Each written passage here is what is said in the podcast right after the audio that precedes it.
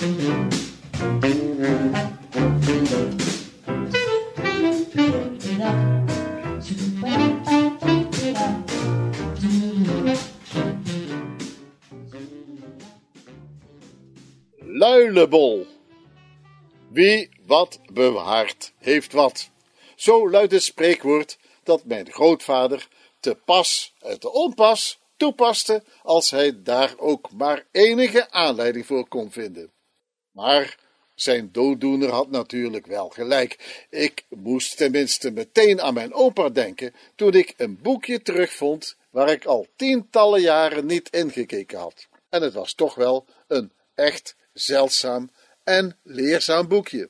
De titel is Luilebol. Een titel die ik onmiddellijk herkende, omdat ik echt niet wist wat dat woord betekende, luilebol. Maar de ondertitel van het boekje kon ik meteen thuisbrengen.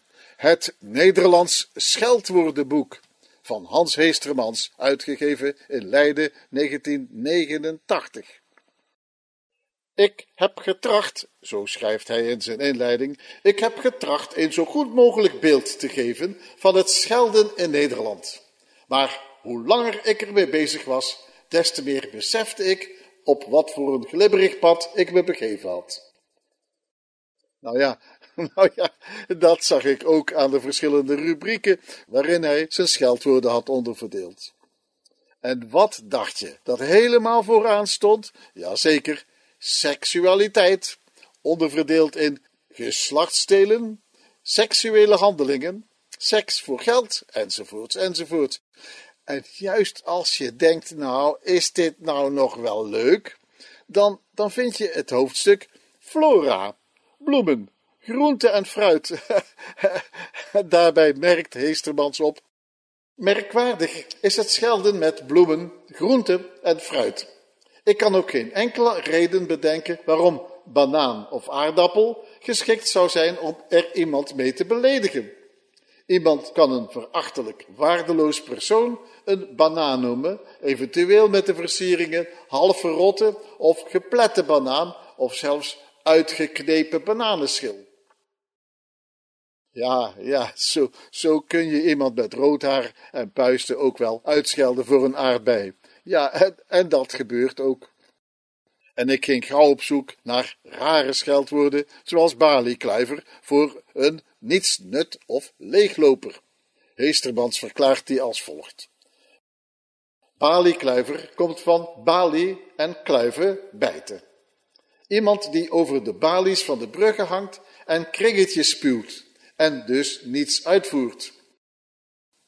Nou ja, het is dus heel iets anders dan een klaploper die verderop zijn betekenis krijgt van parasiet met de prachtige uitleg. In de middeleeuwen was het iemand die met een klapspaan, oftewel ratel, liep, dus een lepraleider, die zo zijn nadering aankondigde. Lepraleiders werden als paria's behandeld, werden gemeden, maar men zette soms wel voedsel en drank voor hen neer. Ik zal zelf niet zo gauw een scheldwoord gebruiken. Het WNT verklaart bij het woord scheldwoord een krenkend of beledigend woord dat iemand een ongunstige eigenschap of hoedanigheid toekent.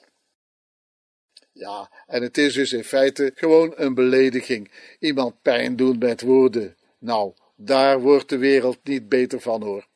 Maar als we dan afzien van de negatieve bedoeling van dit spraakgebruik, dan vinden we toch een buitengewoon creatief taalgebruik. Zeg maar poëzie, maar, dan wel achterstevoren of ondersteboven. Wie wat bewaart, heeft wat. En dat blijkt hier maar weer. Het boekje van Heestermans is al in 1989 uitgegeven, meer dan twintig jaar geleden. En al die jaren had ik het totaal over het hoofd gezien. Ja, misschien ook wel omdat ik de titel Luilebol ook niet kon thuisbrengen. En ik had het woord Luilebol jaren geleden wel eens opgepikt van keurige mensen in Nijmegen. En nu was dan het moment van openbaring eindelijk daar. Heestermans brengt het onder in de afdeling geslachtsdelen. Lul, met de uitbreiding Lulhannes, Luljanus, Lullebol en de versiering Lulde Behanger. En dan, dan volgt eindelijk de verklaring. Luilebol is de opzettelijke, eufemistische verbastering van lullebol. En het is dus eigenlijk helemaal geen echt scheldwoord meer. Nou, dan is het dus best mogelijk dat ik ergens in de toekomst ooit nog wel eens schertsend tegen iemand zal zeggen: Hé, hey, schiet eens op, luilebol. Ik dank u wel.